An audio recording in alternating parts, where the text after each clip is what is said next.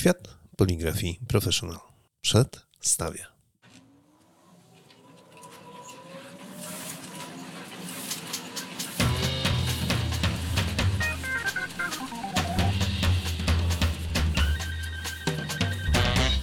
Niezbędnik poligrafa Mirosław Pawliński. Witam wszystkich bardzo serdecznie. Witam naszego gościa Łukasz Szymański, firma DigiPrint. Dzień dobry, witam w nowym roku.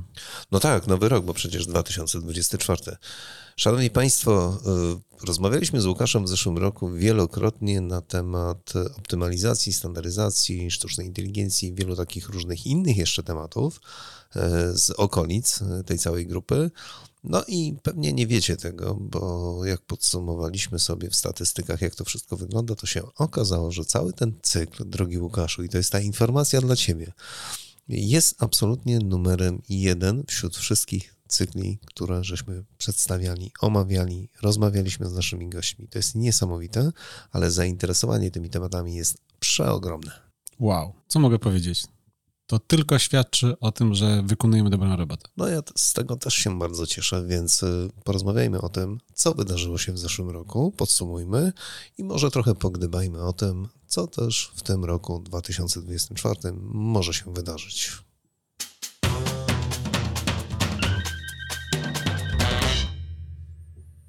Co się wydarzyło w tamtym roku? No właśnie. Patrz, ty mm. pytasz. Oj, dużo się wydarzyło, ale chyba no, tak. właściwie to, to chyba niezła rewolucja, co? Myślę, że ten odzew, to co wspomniałeś, skoro były tutaj, byliśmy w top one tak naprawdę, pokazał, że jak najbardziej chyba rynek dojrzał, zainwestował i zmienił się mentalnie, żeby po prostu to wdrażać, żeby być gotowym, żeby po prostu przejść tą ścieżkę. Ale wróćmy do co wdrażać, jaką ścieżkę.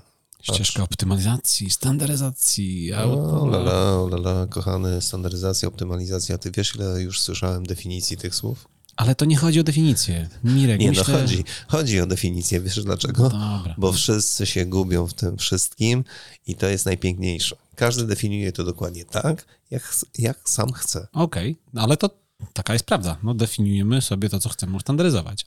No to jak standaryzować coś, czego nie można w ten sposób opisać? Ale chyba oni zaczęli, znaczy ciężko mi za klientów dyskutować, wymyślać, musielibyśmy ich tu zaprosić, ale jeżeli było tyle odsłuchów, to mam wrażenie, że bardzo dużo ludzi szuka właśnie takich metod, jest gotowa na to i bardzo bym chciał, abyśmy tutaj po prostu dostali super odpowiedź od rynku, że zmieniliśmy świat, zmieniliśmy nasz tutaj mikroświat poligrafii, na świat, który jest gotowy na to wszystko, na tą standaryzację i optymalizację. Mimo wszystko warunki zewnętrzne zmusiły nas do tego, żeby trochę sięgnąć w inne obszary i po okay. prostu przyjrzeć się procesom. Ta optymalizacja i standaryzacja, wiesz, to jest wynik tego, co się dzieje dookoła, czyli tych kosztów pojawiających się, mhm. braku kadry. To jest nadal ten ogromny problem, który pozostał i, i, długo się nie, sam nie rozwiąże.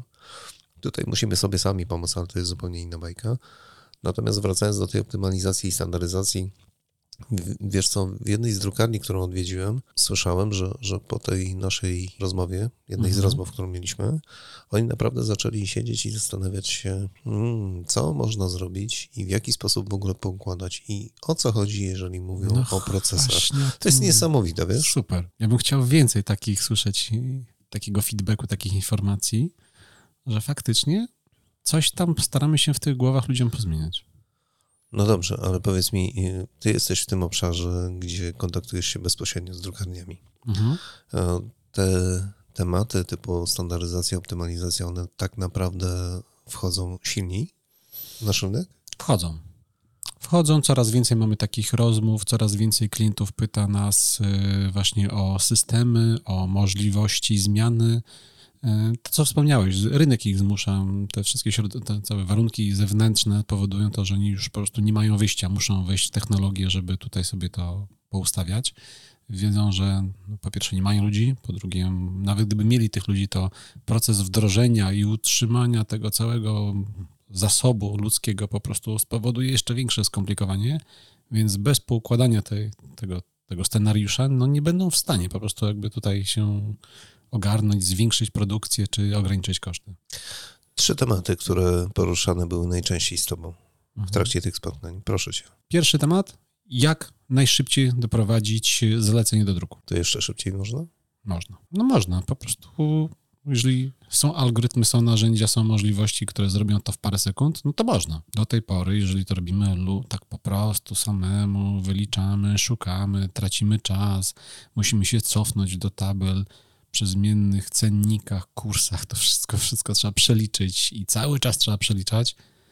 Komputery uwielbiają taką rzecz, mhm. ale ludzie nie, więc ten pierwszy element taki najprostszy do poukładania dla komputerów można zautomatyzować. Pamiętasz rozmowę z Michałem z Masterpress? Mhm. No, on tam powiedział taką fajną rzecz, że no, po pewnego rodzaju optymalizacji z kilkunastu tysięcy kliknięć przeszedł na setkę tak jest. Czy, czy dwie setki. Dokładnie. Mniej kliknięć. Ile mniej czasu myślenia. można zaoszczędzić? Takie. No dobra, to był pierwszy temat, a drugi temat? Tu był akurat faktycznie dość mocno związany z color managementem, czyli tą taką warstwą, której wszyscy myślą, że to jest ta standaryzacja, czyli czy są systemy, czy są narzędzia, które pozwolą nam zużywać mniej farby i skrócić czas narządu. No, popatrz, jaki temat się pojawił, nie? Chociaż o nim już żeśmy kiedyś rozmawiali. Dawno temu. Nawiasem mówiąc, no. dawno, dawno temu i to chyba rzeczywiście było w odległej galaktyce, to jednak on wraca jak bumerang.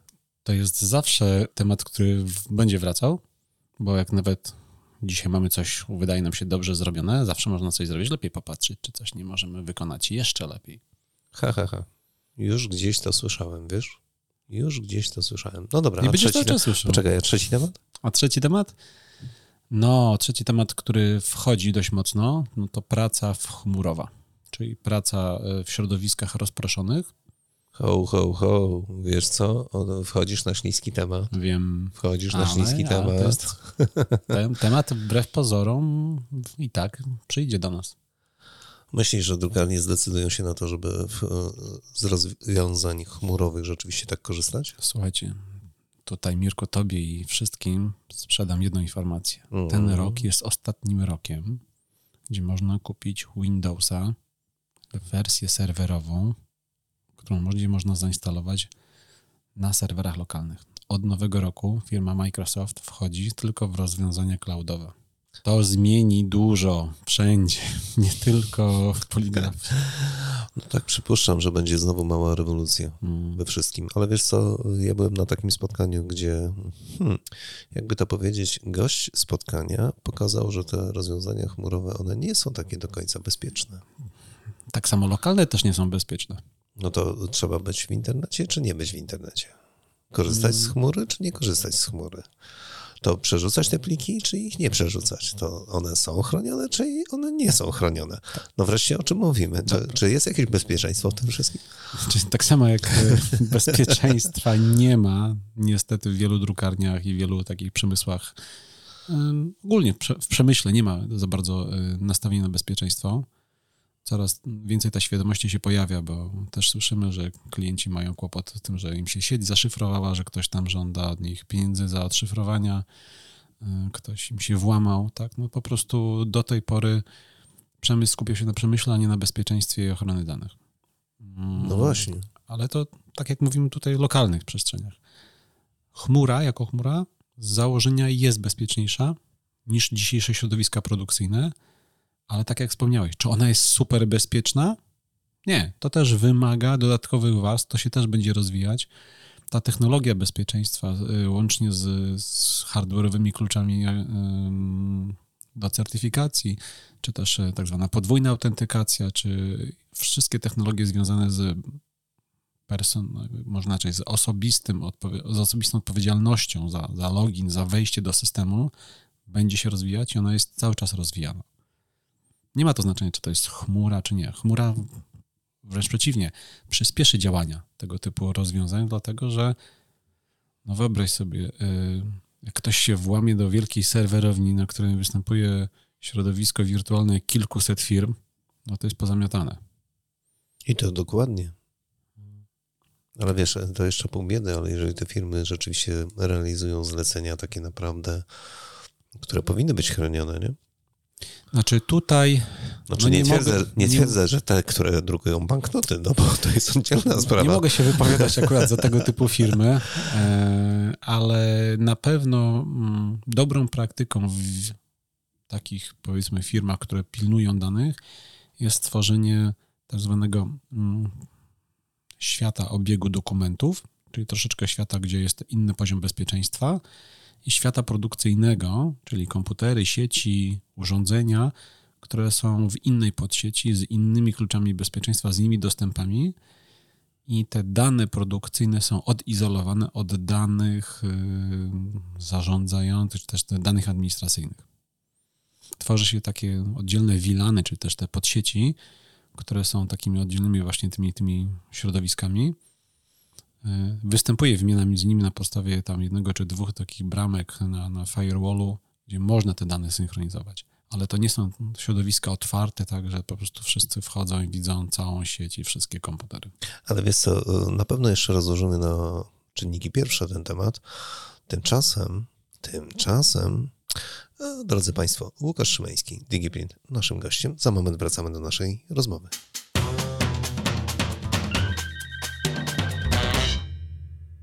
Łukasz, absolutnie numerem jeden, jeżeli chodzi o wszystkie tematy w zeszłym roku, czat GPT namieszał nieprawdopodobnie, ale w naszej branży poligraficznej również. I w dodatku jeszcze sztuczna inteligencja. Wszyscy mówią sztuczna inteligencja, choć to nie jest sztuczna i nie jest inteligencja moim zdaniem, ale to już jest oddzielna bajka. To jest moje zdanie. Mhm.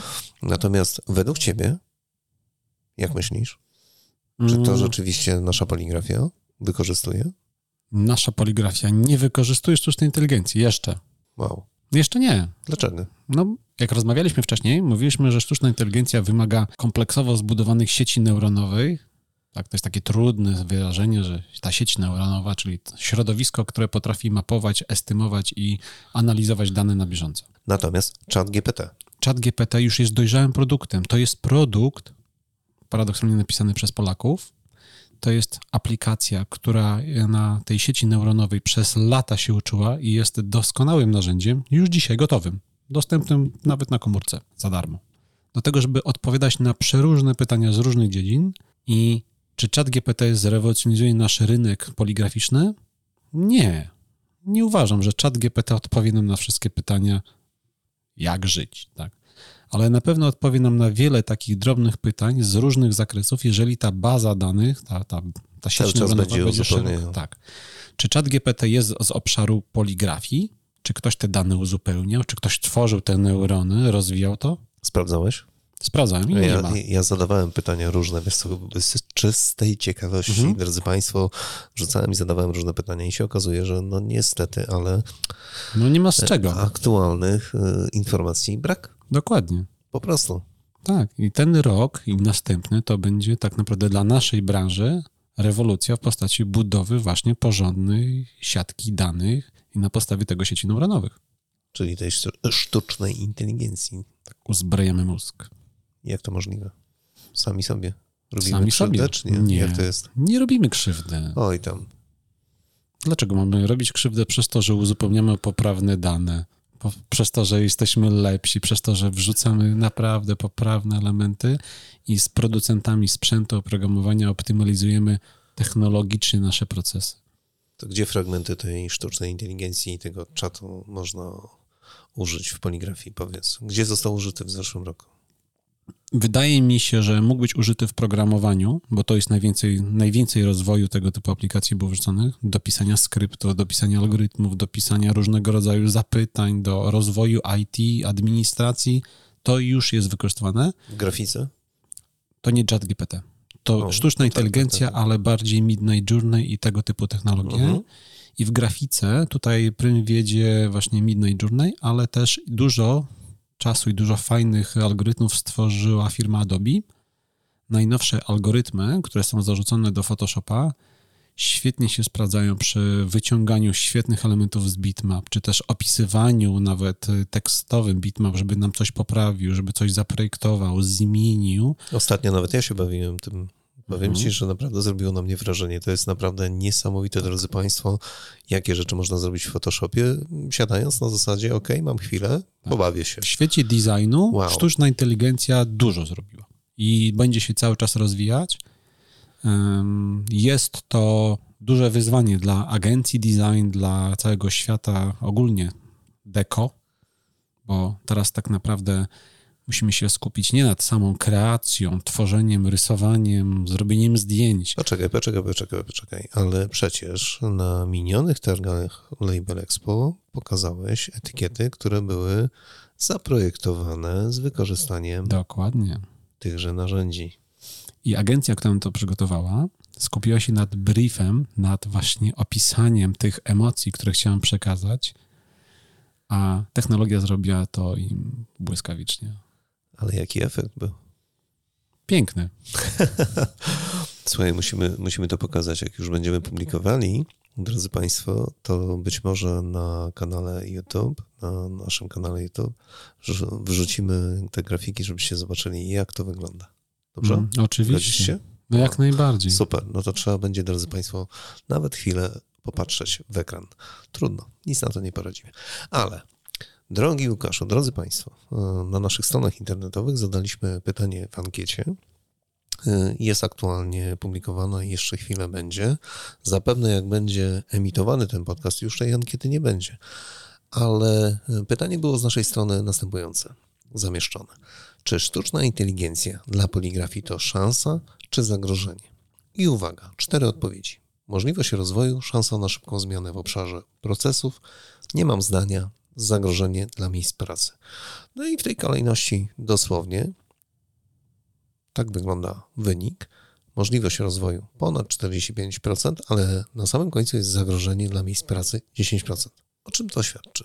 O tym, jak podchodzimy do naszego biznesu, o tym, jak podchodzimy do tego, co wykonujemy. Znaczy, ja się bardzo cieszę z tego, że możliwość rozwoju i szansa na szybką zmianę w obszarze procesów y, jest na dwóch pierwszych miejscach. Czyli jako przedstawiciele tej branży otwarcie patrzymy na, na technologię i chcemy z tego skorzystać. No i to jest ponad 70% głosów. Proszę cię. Super. To oznacza, że nasza poligrafia będzie jeszcze silniejsza, będzie lepsza. No ale z tym zagrożeniem dla miejsc pracy? No ale to jest, Mirku, to jest tak jak wchodzi, wchodzą automaty, roboty, wchodzi dowolna technologia, która wypiera e, manualne prace ludzkie, ludzie czują się zagrożeni. Nie zdarzyło się jeszcze w, w żadnej branży, że jakaś warstwa ludzi nie czuje się zagrożona, jeżeli wchodzi automatyzacja. Ale wiesz co, w sumie to można też optymistycznie do tego podejść, bo to znaczy, że są nowe obszary, które warto poznać i po prostu może zmienić swoje kwalifikacje. Rozwój działów HR, które hmm. skupią się właśnie nad tymi 10%, jak wyciągnąć tą wartość, to, to, to dziedzictwo tej, tego doświadczenia i przekuć na nowe technologie, będzie za chwilę ciekawym elementem też pewnej branży rozwoju ludzkiego. No to przechodzimy do tego najtrudniejszego pytania. Naszym gościem Łukasz Szymański, Digiprint.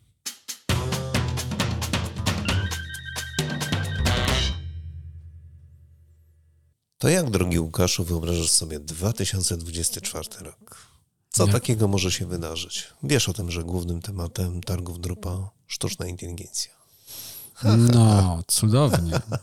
Wyobrażam to sobie tak, że dostawcy i klienci zaczynają wspólnie rozmawiać o potrzebach.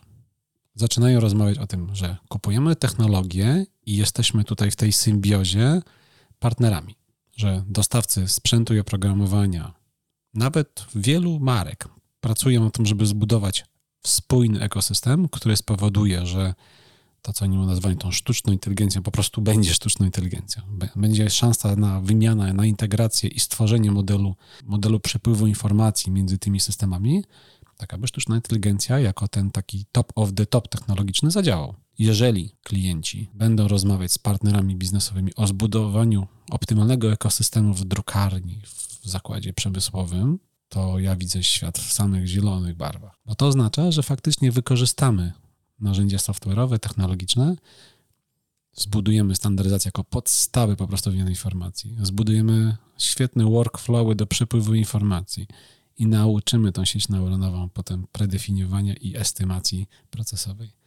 Czyli przygotujemy środowisko tak, że potem właśnie czat GPT dostanie tą zoptymalizowaną paczkę i odpowie nam, co zrobić. Chciałeś powiedzieć, otrzyma duszę, tak? Mm, duszę. Tak. Cyfrową duszę, tak. No, no, tak, tak, tak, tak, tak. Ale wiesz co, ja zauważyłem jeszcze jeden trend, taki zupełnie mm, nie rzucający się w oczy za pierwszym razem. Nawet konkurenci z rynku zaczynają łączyć siły po to, żeby zaczynać szybciej wykorzystywać te zmiany zachodzące, jeżeli chodzi o dostępność technologii. Oczywiście. I to jest niesamowite, wiesz? Bo przed momentem byli w tym samym obszarze, konkurowali z produktami, konkurowali z softwarem i nagle okazuje się, że aha, zupełnie przypadkowo otrzymujemy informację, że oto dwie firmy łączą siły, ponieważ chcą szybciej, łatwiej zadziałać tutaj w rynku. Znaczy konsolidacja jest nieunikniona wśród producentów oprogramowania, sprzętu. Stworzy to pewne zagrożenie monopolu. Na pewno nie będzie tak, że będzie tylko jeden dostawca główny wszystkiego. Pewnie będzie, zostanie na rynku kilku, kilkunastu partnerów, którzy będą takimi wiodącymi producentami. No i powstanie środowisko startupowe, czyli takich małych firm, które po prostu będą powoli wchłaniane przez te wielkie koncerny. Trochę jest to naturalne i wynika z samej natury e, rynku IT czy rynku w ogóle przemysłu, gdzie też po prostu te wielkie molochy po prostu wchłaniają co, co bardziej inteligentne, małe, drobne startupy, tak aby wykorzystać ludzi, wiedzę, doświadczenie w skali wielkoprzemysłowej. Tutaj niestety nasza poligrafia ogólnie światowa jest, jest naprawdę niewielkim rynkiem IT w porównaniu z, z takimi wielkimi koncernami jak Microsoft, Google, Apple, czy, czy w ogóle wielkie Ale firmy. możemy korzystać z ich rozwiązań po prostu. Ale możemy korzystać z ich jakby metod po, pracy. Po, po co ich... mamy tworzyć nowe tak, zupełnie, tak? Tak, tak, tak. Czyli... I, I, to chyba jest zauważalne, że koncerny zaczynają się skupiać na tym, jak wykorzystać e, środowisko tych, którzy na tym się po prostu znają. Tak, ale też i metodykę i też właśnie tak, tak, tak, tak. elementy związane właśnie z, z zbieraniem, złączeniem się tych firm, e, właśnie z tworzeniem pewnych spójnych, spójnych i dużych ekosystemów zamiast małych, drobnych, rozproszonych e, środowisk, które trzeba zintegrować.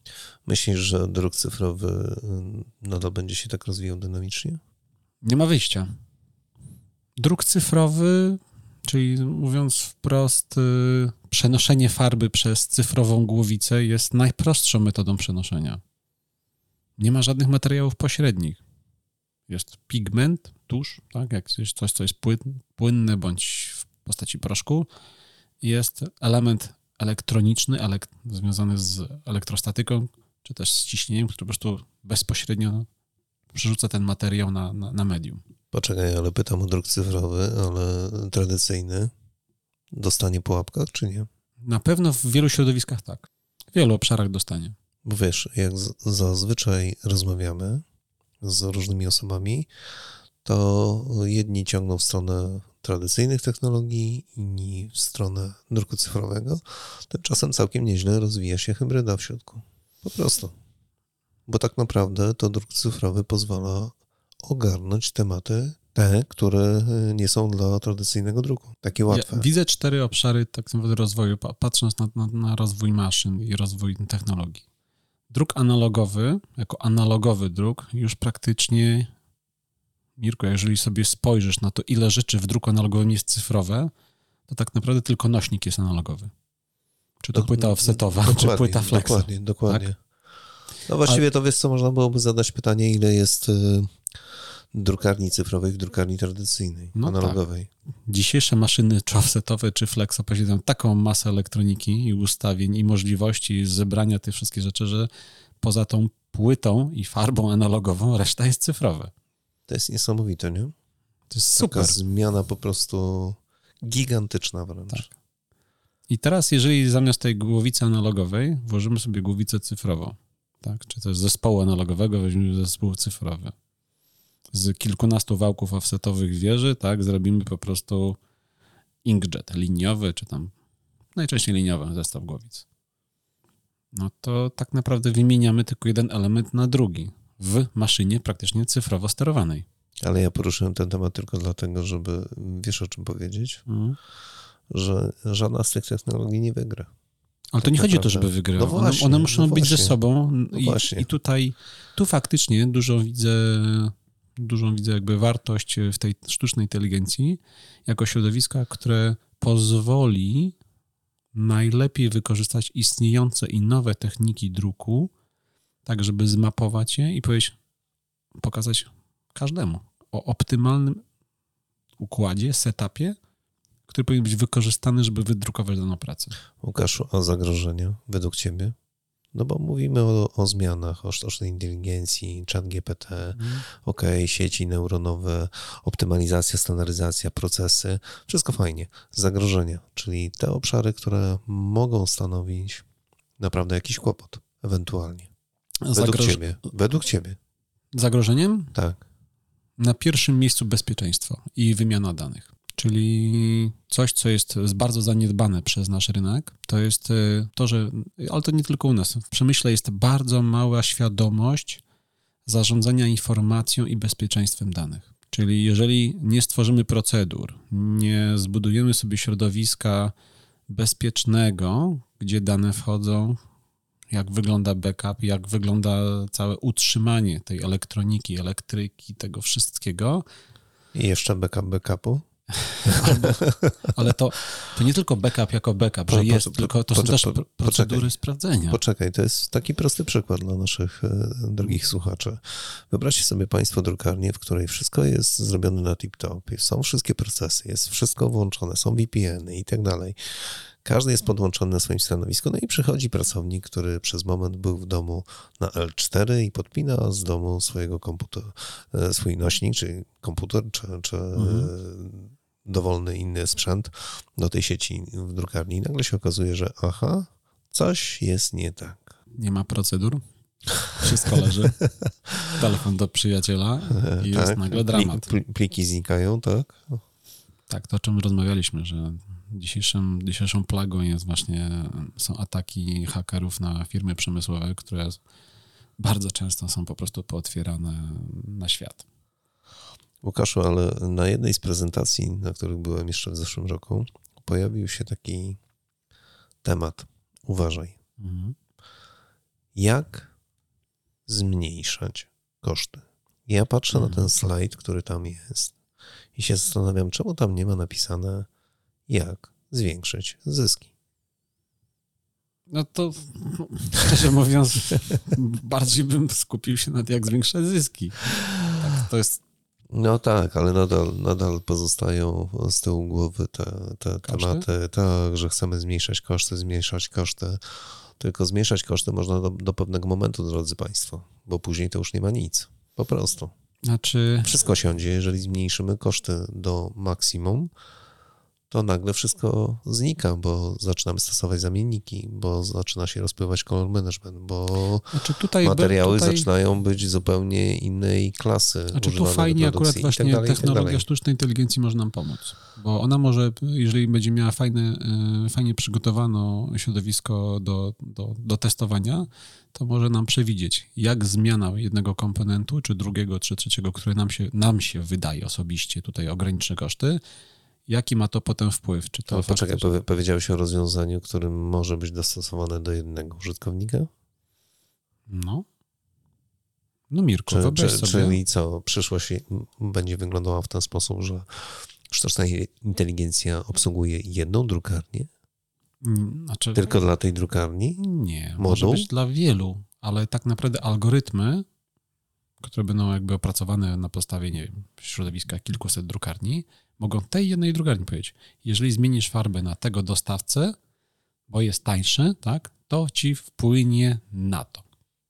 Na to, na to, na to, na to, na to. Załóżmy, nie wiem. Ty wiesz, ile informacji trzeba będzie wrzucić do tego kosza, żeby w ogóle no otrzymać dlatego, zwrotną informację? Dlatego wrzucamy, w tym roku zaczynamy wrzucać z całego świata. Nieprawdopodobne. Drodzy, Ale to tak jest. Drodzy Państwo, Łukasz Szymański, DigiPrint, a tak żeśmy sobie porozmawiali o tym, co tam słychać w świecie chat GPT i sztuczna inteligencja. Co było, co jest i co będzie. Łukaszu, bardzo Ci dziękuję.